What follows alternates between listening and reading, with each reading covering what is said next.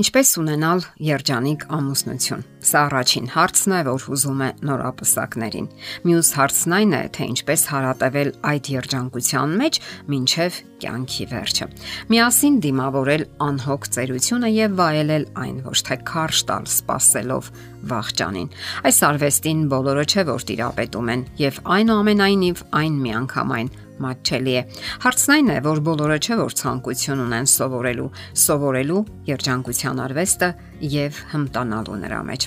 Նախորդ հաղորդման ընթացքում մենք խոսեցինք որոշ քայլերի մասին, որոնք անհրաժեշտ են երջանկություն ձեռք բերելու, երջանկությունը պահպանելու եւ նրա մեջ հարատևելու համար։ Եվ այսպես ապրեք ներկայով, սակայն երբեմն անդրադարձեք անցյալին։ Հիշեք ձեր սիրահարության պահերը եւ հրաշալի ակնթարթները։ Մի մտածեք, որ դրանք այլևս չեն կարող կրկնվել։ Շատ տարեց մարդիկ են կյանքի հասունության ժամանակաշրջանում վերստին սիրահարվում։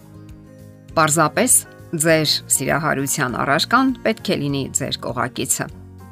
Նա, ով իր ողջ կյանքն է նվիրաբերել ձեզ, եղել է ձեր կողքին, սատարել ու մխիթարել, ով սիրել է ձեզ անմնացորդ, ում հետ կիսել եք ձեր կյանքի ուրախ ու տխուր պահերը։ Դե ինչ, գնահատեք ծերությունը։ Դա հասունության եւ խոր փորձառությունների ժամանակաշրջան է, սակայն ճիշտ ամփոփումներ ու եզրահանգումներ պետք է անել գնահատեք ձեր կողքի անznավորությունը։ Նրա համար արեք լավագույնը, պահպանեք նրա առողջությունը, հնարավորություն տվեք, որ նա առողջ ապրելակերպ վարի սպորտով զբաղվի։ Նրա մարզական պայուսակը դրեք այնպիսի տեղ, որ միշտ աչքի առաջ լինի, հատկապես դեպի մեքենայի տնակն ընկած ճանապարհին։ Նրա ճանապարհից հեռացրեք նաև վնասակար ուտելիքներն ու ըմպելիքները նաև օրինակ ծառայեք նրան։ Օգտագործեք առողջ եւ թարմ սննդամթերք ծրագրավորեք ձեր կյանքն այնպես, որպես թե դա ձեր կյանքի վերջին օրն է։ Ինչ կանեիք, եթե իմանայիք, որ դա ձեր վերջին հնարավորությունն է։ Արեք հենց այդպես։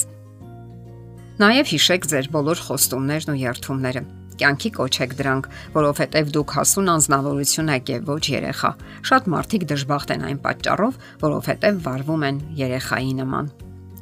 Հաճախ հիշեք, թե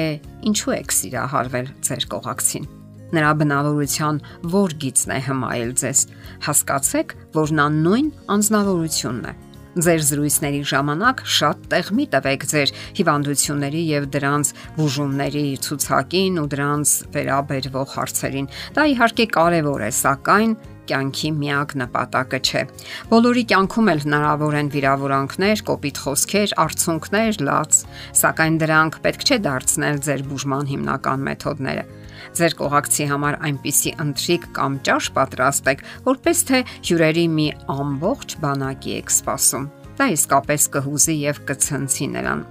Մտածեք, ել ինչով հուզել նրան։ Շաբաթվա մեկ օրը հատկացրեք միայն ձեզ ոչ մի տեսակի կանչված կամ անկոչ հյուրեր։ Զրուցեք միմյանց հետ ոչ թե հոգսերի կամ երեխաների մասին, այլ հենց ձեր եւ մի չարաշահեք հետեւյալ արտահայտությունը ասա ինձ ողջ ճշմարտությունը, եթե դուք պատրաստ չեք դրան։ Յուրաքանչյուր մարդ ունի սրբազան գաղտնիքներ կամ մտքեր, որոնք միգուցե չի ցանկանում քննարկման առարկա դարձնել։ Հարգեք ձեր դիմացինի ազատությունը, կապ չունի, որ նա ձեր ամուսինն է։ Շրջանակով նրա նկարը կախեք պատից։ Մեր օրերում կա ուրիշ հնարավորություն եւս։ Նրա նկարը կարող եք տեղադրել ձեր համակարգչի էկրանին Դա սիրո ժամանակակից դրսևորում է։ Նրա ծննդյան օրը առանձնահատուկ օր դարձրեք։ Դա այն օրն է, երբ առանձնահատուկ կարևորում եք նրա ներկայությունը ձեր կողքին։ Այդ օրը նրան ասեք, թե որքան է ուրախացրել ու զարմացրել նա իր ներկայությամբ, իր վերաբերմունքով. Ձեր կողքին եղել է կյանքի թե ուրախ եւ թե տխուր պահերին։ Մտածեք, թե որքան է տարապել այս կյանքում եւ մի եղեք ես ասեր մտածելով, թե միայն դուք եք այս կյանքի տարապյալը։ Այս բոլորը պատկերացրեք եւ ասեք հենց այդ օրը, որովհետեւ դա նրա օրն է եւ նա պետք է ուրախ լինի եւ առանձնահատուկ զգա իրեն։ Փորձեք հիշաչար չլինել։ Հիշաչարությունը շատ վատ բան է։ Ձեր կողակիցը կարող է սխալներ թույլ տալ, վրիպումներ եւ մեղքեր Մարդիկ ունեն նման սովորություններ։ Դա նրանց մարդկային բնույթն է։ Մենք բոլորս ծնվում ենք մեղավոր աշխարհում եւ հակված ենք սխալների ու թերացումների։ Սակայն Հարկավոր է կենտրոնանալ ամբողջի վրա, այլ ոչ ամբողջի մի մասի։ Իսկ ամբողջը ձեր կյանքն է, այլ ոչ նրա մռայլ ուրվագծերը։ Նաև այս ամենը չի նշանակում, որ դուք ամեն ինչում պետք է համաձայնեք նրա հետ։ Այդպես դուք երբեք երջանիկ չեք լինի եւ դիմացինն էլ չի հարգի ձեզ։ Ունեցեք ձեր կարծիքը ամեն ինչի վերաբերյալ։ Կրոն, քաղաքականություն,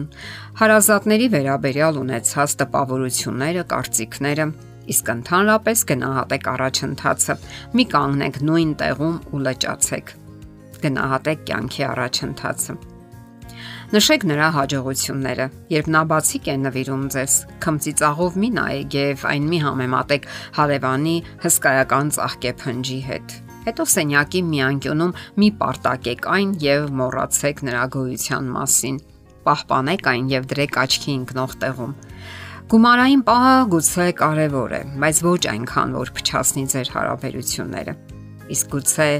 դա նրա վերջին հնարավորությունն է։ Ուշադրություն դարձրեք մի հետաքրքիր պահի։ Երբ նա մտնում է սենյակ, որ ինչ որ բան ասի ձեզ, հետևեք նրա մարմնի շարժումներին։ Գոյություն ունի մարմնի շարժումների լեզու։ Այն հաճախ ավելին է ասում, քան լեզուն։ Շատ մարդիկ այնքան էլ perճախոս չեն։ Սովորեք հասկանալ ձեր կողակցին։ Իսկ դուք ցանկանում եք այդպես մտածել եւ ամեն ինչ նորից սկսել։ Հիշեք, ձեր երջանկությունը ձեր ձեռքերում է եւ այն կարող է վերածնվել ամեն պահի։ Եթերում ընտանիք հաղորդաշարն է։ Հարցերի եւ առաջարկությունների համար զանգահարել 033 87 87 87 հեռախոսահամարով։